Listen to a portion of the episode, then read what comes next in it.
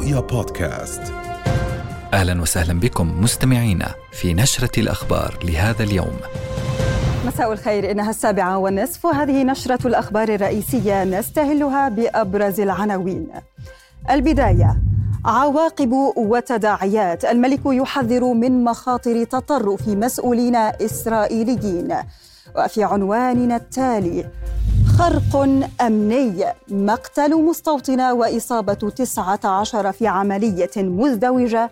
شمال تل أبيب. وكذلك نقدم لكم في أخبارنا نزف متسارع. حصيلة العدوان تتخطى أربعة وعشرين ألفاً والمجاعة تعصف بغزة. وكذلك معنا في أخبارنا سلاسل مضطربة. خطوط الشحن البحري تموج تحت وطأة حرب غزة.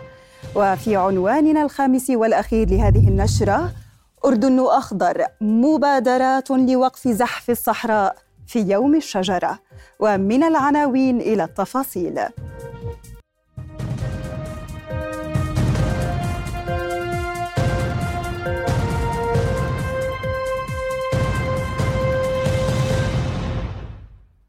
أهلا بكم.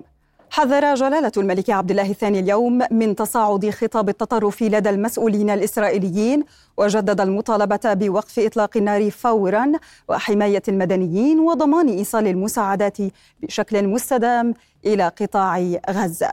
وفي اتصال هاتفي تلقاه من رئيس وزراء هولندا مارك روتي أعاد جلالته التأكيد على ضرورة ضغط المجتمع الدولي لوقف العدوان الإسرائيلي على قطاع غزة.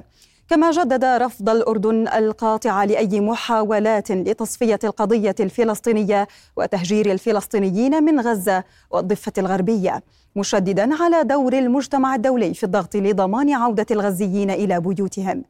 وحذر جلالته من العنف الذي يمارسه المستوطنون المتطرفون ضد الفلسطينيين في الضفة الغربية والانتهاكات في القدس لافتا إلى المخاطر الكارثية لامتداد الصراع إلى سائر الإقليم.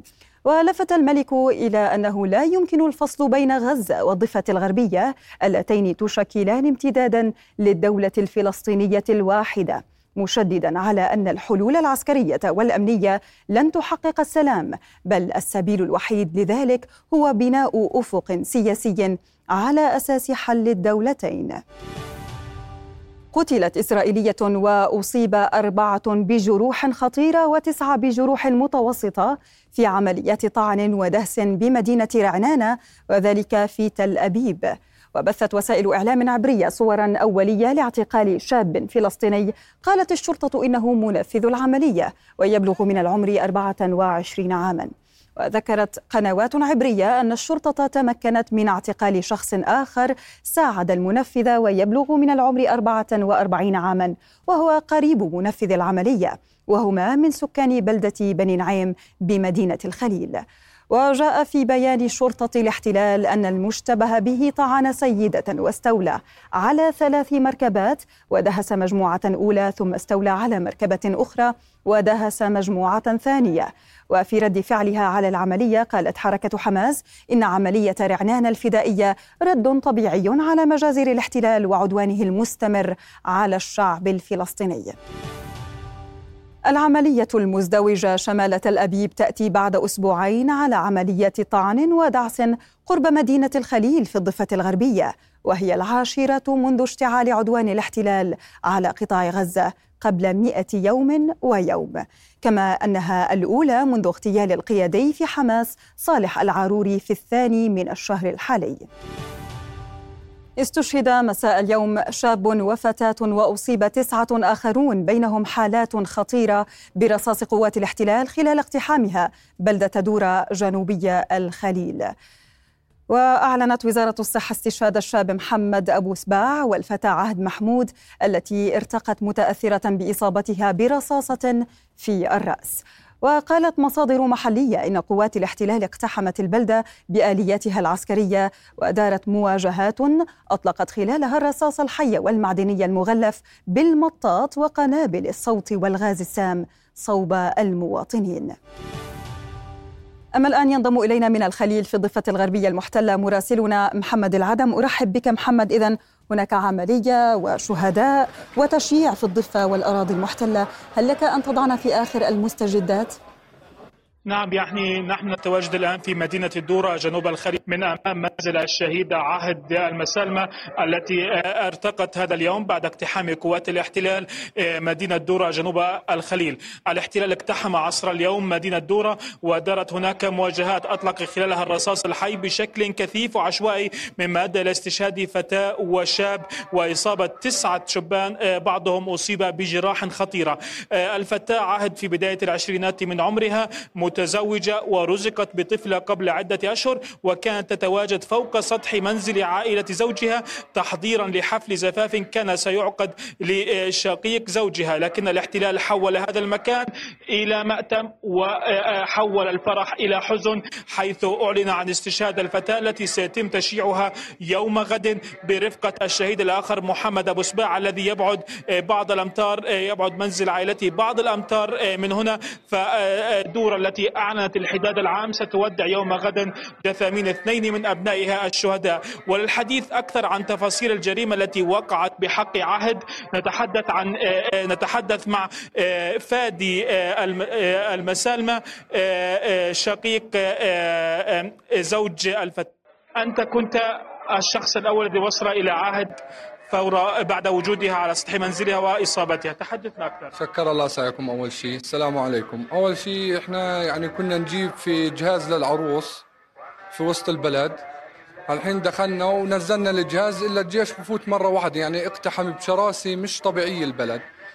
الحين في صارت هوزع وبنات وهيك. أنا بلشت أفوت في البنات على مدخل بيت الدرج لأنه الجيش كان يعني مستنفر. بنات غريبات كثير يعني.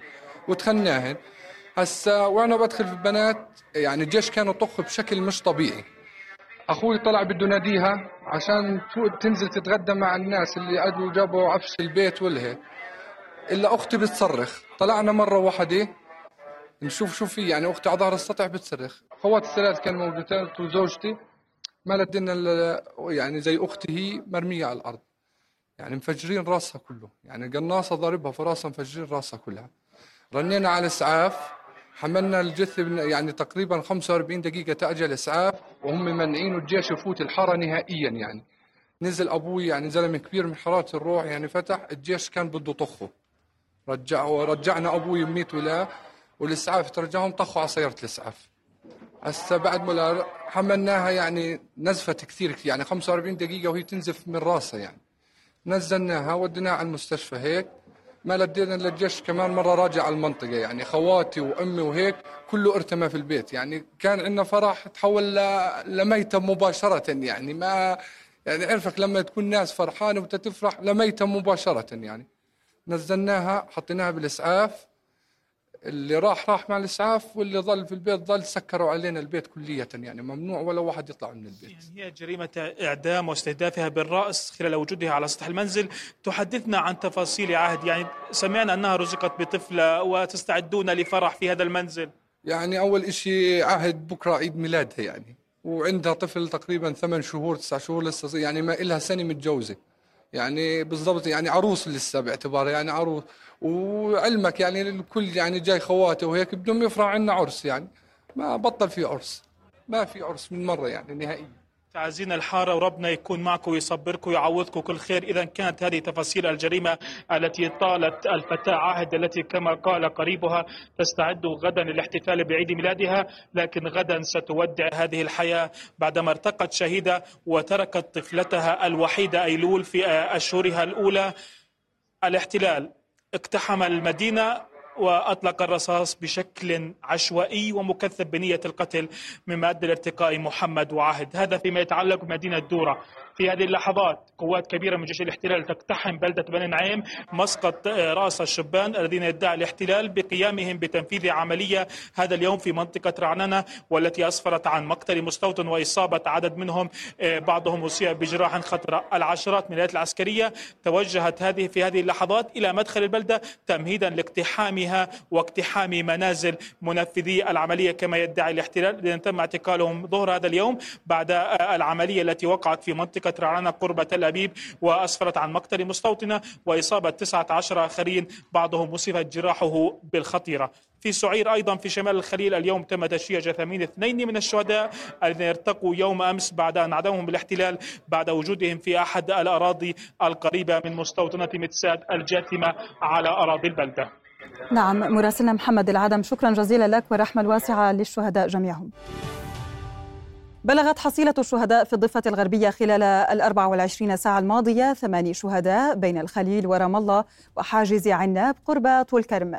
في التقرير التالي ترصد مراسلتنا آية الخطيب تشييع جثمان الشهيد سليمان كنعان ذو السبعة عشر عاما فيما لا يزال الاحتلال يحتجز جثمان صديقه خالد حميدات بعد أن اغتالتهما أو اغتالهما عند المدخل الشمالي لمدينة البيرة.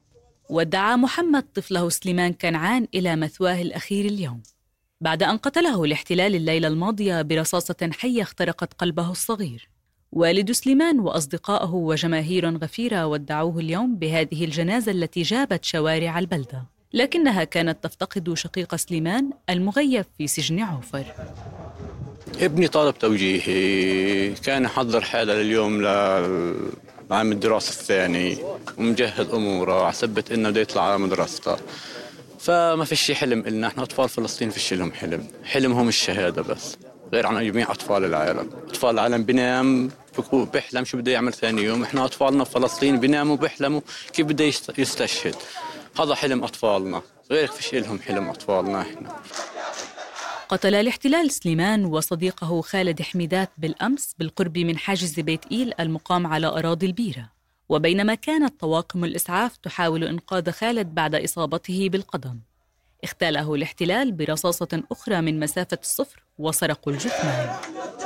صاب هو وشابين الشاب خالد استشهد معه والشاب أمير كان يسوق فيه بس اتصاب ما استشهد. أخوي ما هم هذول اخواتي مش بس اصحابي إذا كأنه مات أخوك وأنت بدك جثمان لأخوك.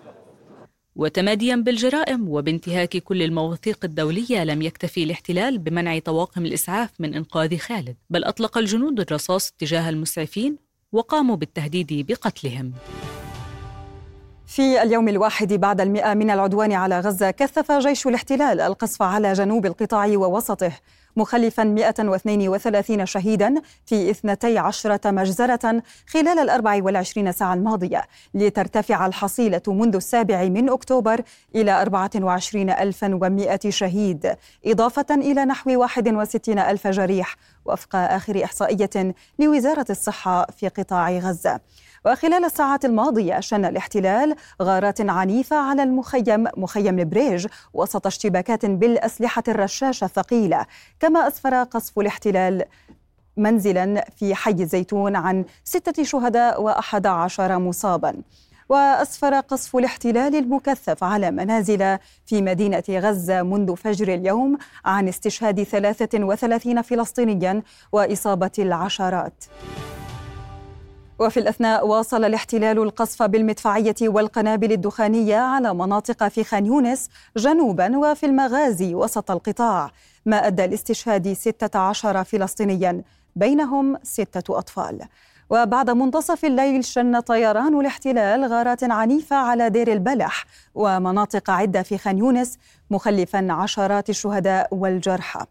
ومع استمرار قطع الاتصالات والإنترنت عن القطاع ذكر الهلال الأحمر أن الأوضاع الكارثية تتفاقم جدا بسبب البرد والنزوح فيما حذر مسؤول في مستشفى شهداء الأقصى من كارثة صحية لانعدام الأدوية وانقطاع الكهرباء وشح الوقود.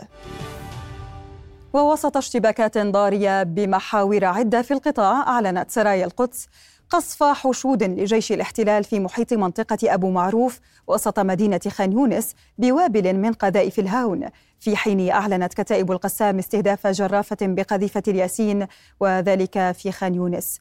ولاحقا ذكرت كتائب القسام أنها استهدفت تجمعين لآليات وجنود الاحتلال في خان يونس بقذائف هاون من العيار الثقيل. وأعلنت القسام إنها ستفصح الليلة عن مصير ثلاثة من المحتجزين لديها بعد قول أبو عبيدة في كلمته أمس إن مصير العديد من الأسرى بات مجهولا خلال الأسابيع الماضية. وأن الاحتلال يتحمل مسؤولية مصيرهم. وكان أبو عبيدة قد أعلن أن المقاومة استهدفت وأخرجت عن الخدمة قرابة ألف آلية عسكرية للاحتلال خلال مئة يوم من العدوان على القطاع. أعلنت إذاعة جيش الاحتلال الإسرائيلي انسحاب فرقة من أصل أربعة فرق عسكرية في غزة وذكرت أن الفرقة رقم 36 المنسحبة تضم ألوية جولاني والسادس والسابع و188 وكذلك سلاح هندسة. كما نقل جيش الاحتلال وفق صحف عبرية وحدة دفدافان من غزة إلى الضفة الغربية تحسبا للتصعيد فيها. وسط حديث مسؤولين أمنيين أن الوضع في الضفة على شفا الانفجار وفي سياق منفصل أعلن جيش الاحتلال الإسرائيلي إصابة 18 ضابطا وجنديا في معارك غزة خلال الساعات الأربع والعشرين الماضية. فيما ذكرت صحف عبرية أن مسيرة للاحتلال قتلت مستوطنا بالخطأ عند عودته إلى السياج الأمني بعد دخوله غزة للمشاركة في القتال ظنا أنه فلسطيني. ونقلت صحف عبرية عن تقديرات لجيش الاحتلال تشير إلى أن غالبية مقاتلي وقادة حماس بغزة على قيد الحياة بعد مئة يوم من الحرب. بعد أن قتلها رصاصه الحي سكاكين الاحتلال تشق جسد الطفل الشهيدة رقية الجهالين. البالغة من العمر أربع سنوات وهي أصغر شهيدة يحتجز الاحتلال جثمانها من بين 457 جثمانا آخر. وقبل أسبوع كان الاحتلال قد أطلق النار على سيارة شاب وزوجته أثناء مرورهما عبر حاجز شمال القدس. بزعم محاولتهما تنفيذ عملية دهس. ما أدى لاستشهادهما كما استشهدت الطفلة رقية بعد إصابتها برصاصة في الكتف في سيارة أخرى مرت عبر الحاجز. أنا أقل واحد في الشعب الفلسطيني. يعني أنا لما لما لما يخطر على بالي بنتي أو أمها تحكي معي بقول لها تطلع لها الغز إحنا أقل ناس. طلع لها الجنين طلع لها النابلس. إحنا ولا شيء. لم نزر بيت شهيد في الضفة الغربية منذ عدوان الاحتلال على غزة إلا وكان هذا قول أهله. كل عائلة شهيد تسلم وسام التضحية الأكبر للأخرى. وكلهم يرون أنهم لم يقدموا كفاية لهذه الأرض مع أنهم بأيديهم يدفنون أبناءهم شهداء. هذه عائلة الطفلة رقية الجهالين صاحبة أصغر جثمان محتجز لدى الاحتلال وهذه قصة استشهادها. على معبر بيت إكسا اللي هو معبر رئيسي. كانوا راكبين مع شوفير الفورد اللي هو يعني من سكان البلد بروح بيجي معاه اللي هو خال يعني نحكي المنيت. تعالي كيف؟ و... ولما طلعوا اجى على المحسوم عادي عامل روتيني زي اي أي سيارة. فتشوهم فحصوا الهوايا لأنه هذا المعبر بطبيعته ما بفوت إلا سكان بيت إكسا ففحصوا الهوايه كلش تمام. قال لهم يلا روحوا. بعد ما راحوا آه تفاجئوا يعني لسه ما بعدوش على المحسوم يعني فيش يمكن 20 متر أو يمكن أقل حتى. تفاجئوا في إطلاق النار على الفرد من ربع ساعة ثلث ساعة وهي بتنزف في السيارة وما حد قادر ينزل. استشهدت رقية الصغيرة في إطلاق نار عشوائي استهدف سيارة أخرى على الحاجز. زعم الاحتلال تنفيذها عملية دهس. والآن بلغ والدها بقرار تشريح جثمانها بعد احتجازه. عشان التحقيق التشريح هذا مو معروف عشان يعرفوا سبب الوفاة. تعرف كيف؟ هم بيعرفوا انها هيك هذا بس تحقيقات يعني عدو يعني شو بتتحرى منه يعني أنا وشهيد سلموا ما ما خلاص بدهم يمرمطونا أسبوع زمان عشرة أيام الله أعلم. ولعل أكبر مخاوف العائلة الآن أن تعود رقيه بأعضاء ناقصة من جسدها كما عاد شهداء آخرون بلا أعين أو قلوب أو جلود. الأم المكلومة بالكاد تستطيع الحديث. بعد ما تعدينا تفتيش المحسوم مش عارفة كيف كان في إطلاق النار وبعدين صار اللي صار. كانت رقية تنزف دم حملتها و الحمد لله صار اللي صار. تخيلوا حجم جثمان طفلة تبلغ من العمر أربع سنوات محتجز وسيتم تشريحه. تخيلوا أما حدقت في عيني طفلتها النازفة حتى لفظت نفسها الأخير. وأخيرا تخيلوا قبرا صغيرا سيظل مفتوحا حتى يعود الجثمان الصغير. هذه صورة واحدة من صور عذاب الفلسطيني المستمر. من قرية بيت حنينة شمال القدس المحتلة أسيل سليمان رؤيا. أعلن حزب الله اللبناني استهدافه بالصواريخ تجمعا لجنود الاحتلال الإسرائيلي. في ثكنة راميم مشيرا إلى أنه استهدف موقعي السماقة في مزارع شبع اللبنانية المحتلة والمالكية وأنه حقق إصابات مباشرة. وكان حزب الله قد استهدف تجمعا لجنود إسرائيليين في محيط ثكنة ميتات قبالة بلدة رميش اللبنانية بالأسلحة الصاروخية مؤكدا سقوط إصابات في صفوف الإسرائيليين. من جانبها ذكرت هيئة البث الإسرائيلية أن جيش الاحتلال قصف مواقع في جنوب لبنان أطلقت منها قذائف باتجاه بلدة ميتات في الجليل الأعلى. هذا وأفادت وكالة الأنباء الرسمية اللبنانية عن استهداف جيش الاحتلال بالمدفعية أطراف بلدات في القطاع الشرقي. لم يتبدل السقف الذي وضعه الأمين العام لحزب الله حسن نصر الله منذ اليوم الأول للعدوان على غزة وفي إطلالته الخامسة كرر مفردات خطابه وتهديده لإسرائيل مؤكدا جهوزية الحزب لمواجهة أي حرب دون سقوف خطاب باعد خطوط الانقسام داخل الشارع اللبناني ما يؤشر إلى أن المنطقة أبعد ما تكون عن التهدئة. خلاصة موقف أمين عام حزب الله حسن نصر الله يشكل رفضا لأي تسوية مرحلية يقترحها المبعوث الأمريكي آموس هوكشتين الهادفة كما علمت رؤية إلى التهدئة الميدانية أولا على جبهة الجنوب ومن ثم الشروع في مفاوضات غير مباشرة على المناطق المتنازع عليها على الخط الأزرق من دون مسألة مزارع شبعة العالقة بين لبنان وسوريا. إعلان نصر الله جهوزيته للحرب في تحد للأمريكيين والاحتلال من دون ضوابط ولا قواعد ولا سقوف مستعملا عبارة يا هلا ومرحب تلقفه الشارع اللبناني بانقسام واضح عكس التباين في المجتمع حول نقطة خلافية أساسية من يمسك بقرار السلم والحرب. بدنا السلام يا عم لبنان من أوله لآخره عملنا نحن اللبنانيه منا جماعة حرب. بفضل يعني الله يهديهم ويلاقوا لهم شي حل. خطابه للسيد حسن نصر الله ولا مرة قال كلمة ما وعد فيها. سو بس هن بدهم يهددوا يتعدوا على سيادة لبنان. أكيد بده يكون في رد قاسي. حزب الله ما بيطلع من أمره شيء إيراني وأمريكاني. على الميلتين. شو بده يعمل؟ مين بده يحارب؟ إسرائيل؟ إذا بيطلع خمس طيارات بيمحون. تقول مصادر مطلعة لرؤية أن رسائل عديدة تصل إلى مسامع اللبنانيين فحواها تراجع المساعي لمنع الحرب الإسرائيلية وصعوبة نجاحها. وربما يمكن فقط تأخير هذه العملية أو الضربة لأن القرار في إسرائيل قد اتخذ. يستمع اللبنانيون بعناية إلى هذا الكلام لكنهم يضعونه في سياق التهويل من أجل خفض التصعيد واحتواء المواجهات ومحاولة فصل مسار لبنان عن مسار غزة وهو أمر بات مستبعدا بعد خطاب نصر الله الأخير. بيلوح بالحرب ولكن هو بينه وبين قرارة نفسه ما بده يخوض حرب لأنه عارف هذا الأمور يعني منا لصالحه العملية العسكرية ولكن عم بيلوح فيها. لأنه دخل بمعركة منذ البداية لا يستطيع أن يتراجع عنها اليوم دون أن يحقق مكاسب. آه، اللي عم ينطلب من حزب الله إنه يطلب القرار الدولي 1701 آه، حزب الله بيعتبر نفسه إذا طبق هالقرارات بيعتبر حاله انهزم ولا سيما قضية مزارع شبعة يلي هي الذريعة الأخيرة يلي بيضع لشرعنة سلاحه. فلسفة المفاوضات تغيرت عند الغرب وعند الأمريكيين وعم بيدعوا أنه كل ملف على حدة وكل ساحة إلى واقع وأمر مختلف عن الثاني آه هذا الأمر اللي ما بيريح الإيرانيين يلي دائما بيستخدموا المفاوضات كورقة سياسية وبيروحوا فيها لاقصى الحدود يلعبوا على حدود الحرب وليس خوض الحرب.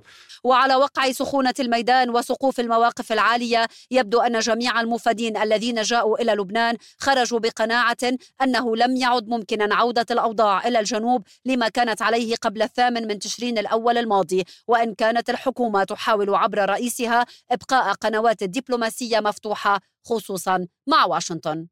تنتظر الساحة اللبنانية تظهير تداعيات زيارة المنفذ الأمريكي وتأخذ السلطة السياسية تحذيراته بجدية لكنها لا تستطيع فعل شيء لأنها ليست صاحبة الكلمة في الميدان. في الخلاصة تبقى الساحة اللبنانية غير محصنة وقابلة للاختراق أكثر من أي ساحة أخرى. من بيروت جوانا نصر الدين رؤيا. ما يجري في غزة حدث غير مسبوق لم نشهد نظيره أبداً. هكذا يصف معمرون فلسطينيون بمخيمات النزوح في رفح عايشوا حدث النكبة الفلسطينية عام 48 فالاحتلال يلاحقهم حتى في أماكن نزوحهم. هذه الحرب ما شفناش زيها هذيك حرب كانت يعني بس الناس قالوا لهم اطلعوا طلعوا ما حدش لا ضربهم بصواريخ ولا حدا يلحقهم. طلعوا لحالهم ووصلوا غزة. ولقوا الناس اول شيء طلعوا وصلوا سدود وبعدين طلعوا من سدود قالوا نطلع طلعوا على غزة. بعد غزة ضلينا في غزة لهلي لليوم هذا. شفتاش هذا يعني العدد وهذا البيادي وهذا التجريف وهذا جرفوا كل غزة وجرفوا خان يونس وجرفوا رفح كل اللي هذا ما شفناهوش. بس كانت يعني شراد وخوف وخلاص صعبة هذه هذا صعبة. أصعب من كل الهجرات. الهجرات. بقاش يقتلونا بقاش يقتلونا من زمان بقينا نمشي وخلاص. ورفع الرمل ونمشي. بقينا نمشي بقيت صغيرة أنا. والله خايف. يعني بخاف عم بخافش. بنخاف من الحلاق. ما حضرناش الحروب اللي في ما شفناش حروب الحرب. صحيح والله ما شفنا وإلى آخر أخبار الاقتصاد مع حمدان عايش. مساء الخير حمدان. مساء الخير رفا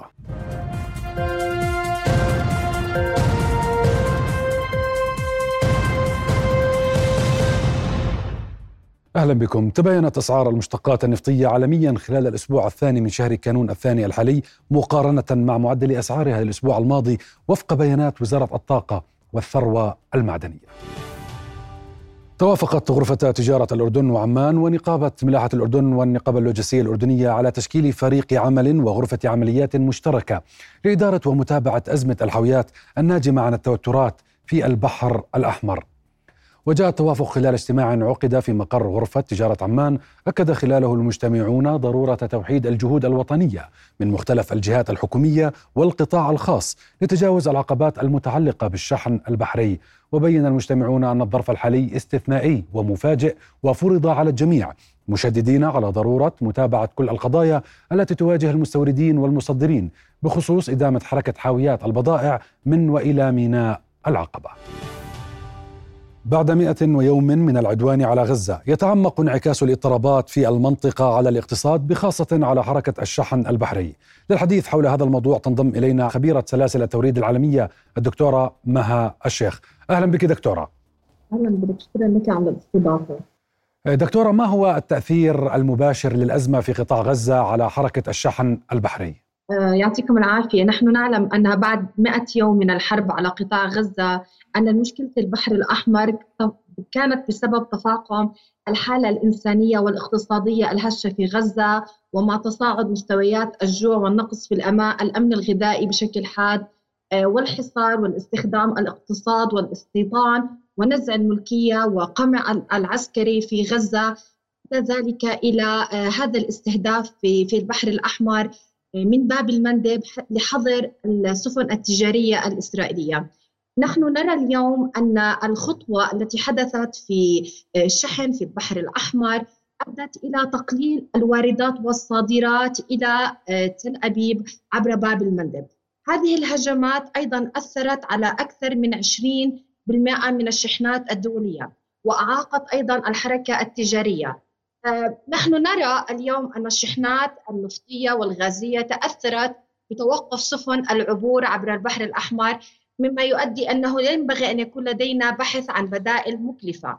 وهذه الأزمة العالمية المتسلسلة اليوم تسببت لدينا بصعوبات واضطرابات أكثر في سلاسل التوريد العالمية مع رفع في تكاليف النقل البحري. لذلك رفع سقف التكاليف والمسافات وزيادة نقاط العبور مع وجود تحديات للسفن للبحث عن مسارات وسبل بديلة ومسارات بديلة. ونحن نتحدث عن توقف ما بين من 18 إلى 20 شركة شحن بحري في مرورها في البحر الأحمر. مما يؤدي أيضا ليس فقط إلى زيادة في في زيادة التكاليف البحر البحرية. هي تؤدي إلى تقليل الواردات وتقليل آه، وصول البضائع بشكل نهائي إلى الأسواق النهائية. وهذه التوترات اليوم التي خلقت في الشرق الأوسط بشكل كبير لا تؤثر فقط على الشحن البحري في الأحمر بحر الأحمر بل هي تؤدي أيضا بشكل أكبر إلى تأخيرات في وصول المنتجات مما يؤدي إلى ارتفاع في أسعار الشحن الحاويات ارتفاع في أسعار نقل الحاويات نعم دكتورة. نعم. دكتورة بالحديث عن عن عن الارتفاعات أو ارتفاع الأسعار متى ستتأثر الأسعار بمشاكل الشحن في البحر الأحمر؟ ونحن مقبلين على شهر رمضان المبارك. نعم. نحن لدينا توقعات بالزيادة في أسعار التضخم في معدلات التضخم في أسعار المستهلكين حتى نهاية 2024 معنى ذلك أن هذه التعطلات بين التجارة العالمية بين مسارات أوروبا وآسيا وارتفاعها بنسبة 15% هنالك تقديرات أن تكون الزيادة ما بين ثلاث إلى اشهر ثلاث إلى اشهر إلى ست شهور. معنى ذلك أنه سيكون هنالك زيادة على تدفقات الشحنات زيادة في تكاليف النقل زيادة في تكاليف التأمين وكلما قلت حركة الملاحة وكلما زادت التوترات وكلما زادت تأثيرات على سلاسل التوريد. تأثيرات الأسعار كلما ارتفعت أسعار النفط وإحنا لدينا تقديرات إنها ارتفعت بنسبة 4% مع تصاعد هذه التوترات وتقلبات الأسعار والتخوفات من نقص المعروض والزيادة في الطلب كلما زادت التدخلات العسكرية الدولية لحماية حركة الملاحة. كلها تصب في مشكلة أن مشاكل سلاسل التوريد مستقبلا كلما زادت انخفضت حركة سفن الحاويات وانخفضت آه، واستمرت ناقلات النفط آه، بحركتها المستدامة في قناة السويس لدينا مشكلة في أنه سيكون لدينا مشكلة في النمو الاقتصادي الاستقرار الاقتصادي في المنطقة وهذا تعتبر تأثير سلبي على الاقتصاد وعلى الأسعار بشكل عام للمنتجات النهائية للمستهلكين. طيب دكتورة كيف يمكن تخطي تداعيات الحرب آه، آه، على سلاسل آه، التوريد؟ نحن نعلم أنه اليوم سلاسل التوريد اليوم مرتبطة في المواسم.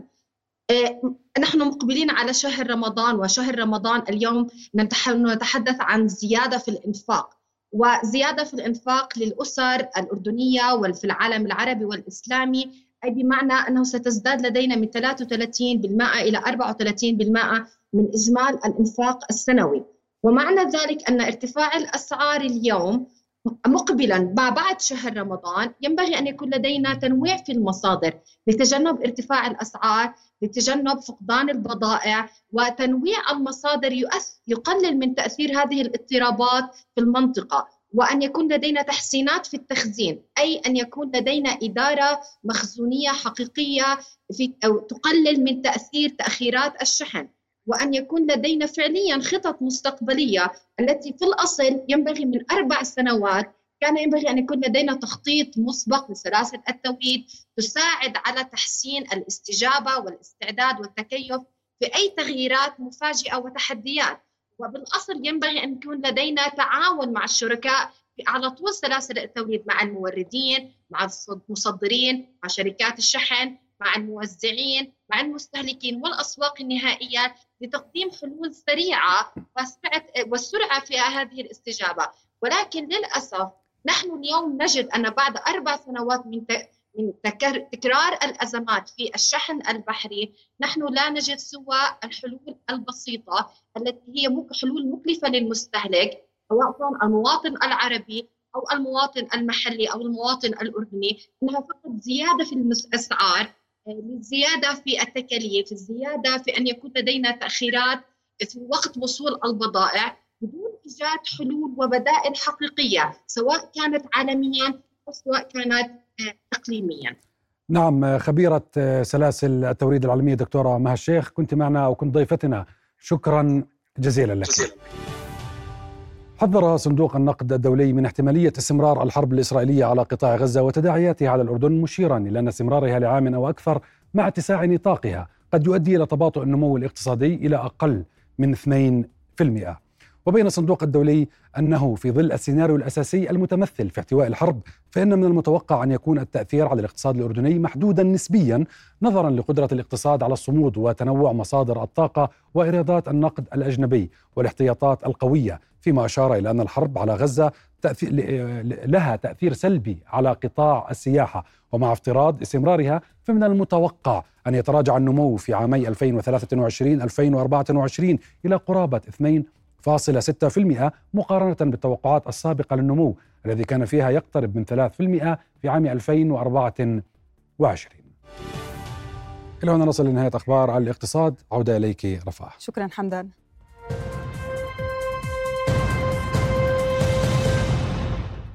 أرحب بكم من جديد وفي محلياتنا. قال رئيس اللجنة القانونية النيابية غازي الذنيبات إن اللجنة لم تتلقى أي طلب بشأن رفع الحصانة عن ثلاثة نواب مرجحا عدم رفع الحصانة عنهم إلا إذا اقتضت الضرورة ذلك بحسب نوع القضايا المنظورة. وعلى خلفية مخاطبة رئيس الوزراء الدكتور بشر الخصاونة رئيس مجلس النواب لرفع الحصانة عن ثلاث نواب. صدرت بحقهم أحكام قضائية. قال لذنبات إنه من المتوقع تأجيل محاكمة النواب لحين انتهاء الدورة العادية الحالية. بعدها ترفع الحصانة عن النواب عملا بأحكام القانون. ورجح مصدر في مجلس النواب في حديث لرؤية أن لا ينظر الصفدي بطلب الخصاونة وأنه قد ينتظر لحين صدور الإرادة الملكية السامية بفض الدورة العادية الحالية. قال الناطق الإعلامي باسم وزارة التربية والتعليم أحمد المسعفة إن نتائج امتحانات الدورة التكميلية لشهادة الدراسة الثانوية العامة والتي اختتمت آخر جلساتها اليوم ستصدر بعد شهر يزيد أو ينقص أياما على حد قوله. وكان 28702 من الطلاب تقدموا لآخر جلسات الامتحان اليوم في مبحثي العربي تخصص والكيمياء إذ تفاوتت آراؤهم حول مستوى الأسئلة ما بين السهل إلى متوسط الصعوبة. الوقت كان هو شوي طويل بس كمستوى كان كتير أحسن من النظامي يعني اللي درس منيح بجاوب بس إنه المشكلة بالوقت.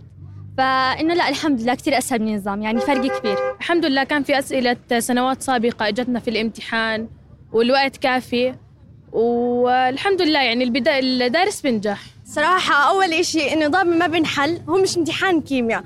أما هاد بنحل وسهل الحمد لله يعني بندخل جامعة خاصة. دخلنا جامعة خاصة. بدي أحكي إشي عادي؟ حكيت بالدورة النظامية اللي ما حالفهم الحظ عيدوا مرة ومرتين وثلاث وهيني رح هيني عم بعيد المرة الثانية رح أرجع أعيد المرة الثالثة عشان أدخل طب أسنان. ما توقعت أبدا إنه يكون هيك يعني درست كثير حسيت إنه ما في ما في يعني على الفاضي. يعني كان في أنا قبل شوي تركت القلم حكت لي بس معك دقيقة ضللت آخر نقطة. ما بعرف كمان ما ما تأكدتش ما ما عملتش إشي. يعني مش حاسة إنه يعني مش حاسة إني بجيب للجامعة. حاسة للكلية آه أما جامعة لا. افتتح رئيس الديوان الملكي الهاشمي ووزير الزراعة اليوم غابة اليوبيل الفضي بلواء القطران في محافظة الكرك للتأكيد على أهمية التوسع بالمبادرات التي تزيد من الرقعة الخضراء وتعزيز الشراكات الحكومية والمجتمعية في مجال الزراعة الحرجية من أجل زيادتها والتوسع بها. وقال وزير الزراعة خالد الحنيفات إن الغابة تأتي ضمن محاور الخطة الوطنية للزراعة المستدامة ومحور التحريج الذي يتضمن سلسلة مشاريع تحريج في كافة محافظات المملكة التي تزامنت مع مبادرة تشجير عشرة ملايين شجرة خلال السنوات العشر المقبلة. اليوم إحنا في آه، غابة اليوبيل الفضي في القطراني آه، غابة مساحتها 2200 دنم آه، هذه الغابة ستشكل رافعة زراعية في المنطقة آه، حوالي 200 ألف شجرة ما بين آه، حرجي والزيتون إضافة إلى مشتل صحراوي للشتل الصحراوي كالشيح والقيصوم والقطف إضافة إلى مركز لتوظيف الصوف خدمة لمربي المواشي وأيضا هناك مشاريع مستقبلية إن شاء الله للصبار أو آه، لأزهار القطف آه، ستكون هذه المنطقة أو الغابة آه، رافعة أيضا اقتصادية لتشغيل أبناء المنطقة في القطرانة بما لا يقل عن 300 فرصة عمل إن شاء الله مستدامة. بعد الدراسة المكتبية لموقع القطرانة تبين انه هناك في مياه معالجة من أحد الشركات تم التوافق معها بتزويدنا بالمياه طبعا 750 متر مكعب يومي وهي كميات كبيرة جدا. من هنا انطلقنا بهذا المشروع وزراعة آه، أنواع حرجية ورعوية بالمنطقة. هذا أدى إلى التوسع بالمشروع آه، آه، إنشاء مشتى الحرجي يعنى بالنباتات الصحراوية. أيضا تم توسع بالمشروع بتأسيس قواعد رئيسية لمصنع الصوف. إحنا بالأردن نقدر الأراضي المتصحره بالأردن بحدود من 18 إلى 20% كون هناك ممارسات غير رشيدة إنسانية بالإضافة إلى التأثيرات آه، المتوقعة والفعلية بسبب التغيرات المناخية التي تضرب العالم وخاصة نحن في المنطقة آه، هذه المنطقة منطقة جافة. شكاوى عديدة وصلت رؤيا حول عدم نظافة أسطوانات الغاز المنزلية وصدائها. في حين مر عام كامل على افتتاح شركة مصفاة البترول الأردنية محطة غسيل وتعقيم الأسطوانات. قرابة عام مر على إعلان مصفاة البترول الأردنية عن تركيب آلة غسيل وتنظيف وتعقيم لأسطوانات الغاز المنزلي على أحد خطوط التعبئة بمحطة تعبئة غاز عمان. وتبلغ طاقتها الإنتاجية 700 أسطوانة بالساعة الواحدة. في خطوة تفضي إلى معالجة كافة المعضلات المرتبطة بأسطوانات الغاز بشكل نهائي خاصة نظافة الأسطوانات. إلا أن المسألة القديمة الحديثة تستمر بإزعاج المواطنين وإثارة الجدل حول مستوى هذه النظافة. كمستهلك بعطي جرة نظيفة. مرات موقع بإشكال مع صاحب السيارة بعطيني أي إيش؟ أي جرة. طب أنا أعطيتك جرة نظيفة. لأني مشتيها نظيف أنا. مالكو وكالات توزيع غاز وعاملون فيها يجمعون على أن هذا الأمر يوقعهم بالحرج. إحنا بالنسبة للاسطوانات بنسلمها زي ما هي يعني لا بنوسخها إحنا ولا من بنعمل فيها عبث. بتيجي الوسخ والعبث من المصفاه نفسها. جرار وسخة والألوان هاي عاملين لنا إياها 16 لون يوحدوا لونها. خلوهم كلهم لون واحد وإحنا بنصير نطول أي اسطوانه بنطلع فيها. هي بتأثر علينا كعمال. يعني إذا كانت نظيفة أول إشي يعني ما بنتضررش من كل يوم نشتري أواعي لبس للشغل. عرفت علي كيف؟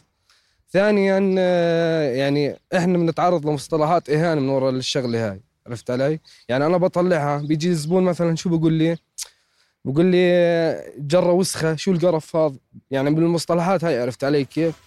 تركيب ماكينة غسيل وتنظيف وتعقيم أسطوانات الغاز على باقي خطوط التعبئة بمحطة غاز عمان ومحطات تعبئة غاز صلاح الدين بمحافظة إربد ومحطة غاز الموقع في الزرقاء. جاء بعد تأكيد المصفاة على نجاح التجربة الأولى قبل عام. وتؤكد الأخيرة توريد أكثر من 32 مليون أسطوانة من المحطات الثلاث خلال العام الماضي.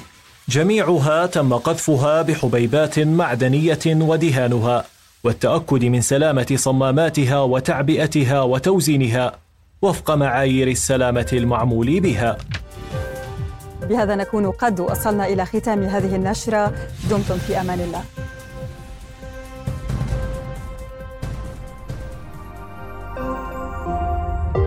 رؤيا بودكاست.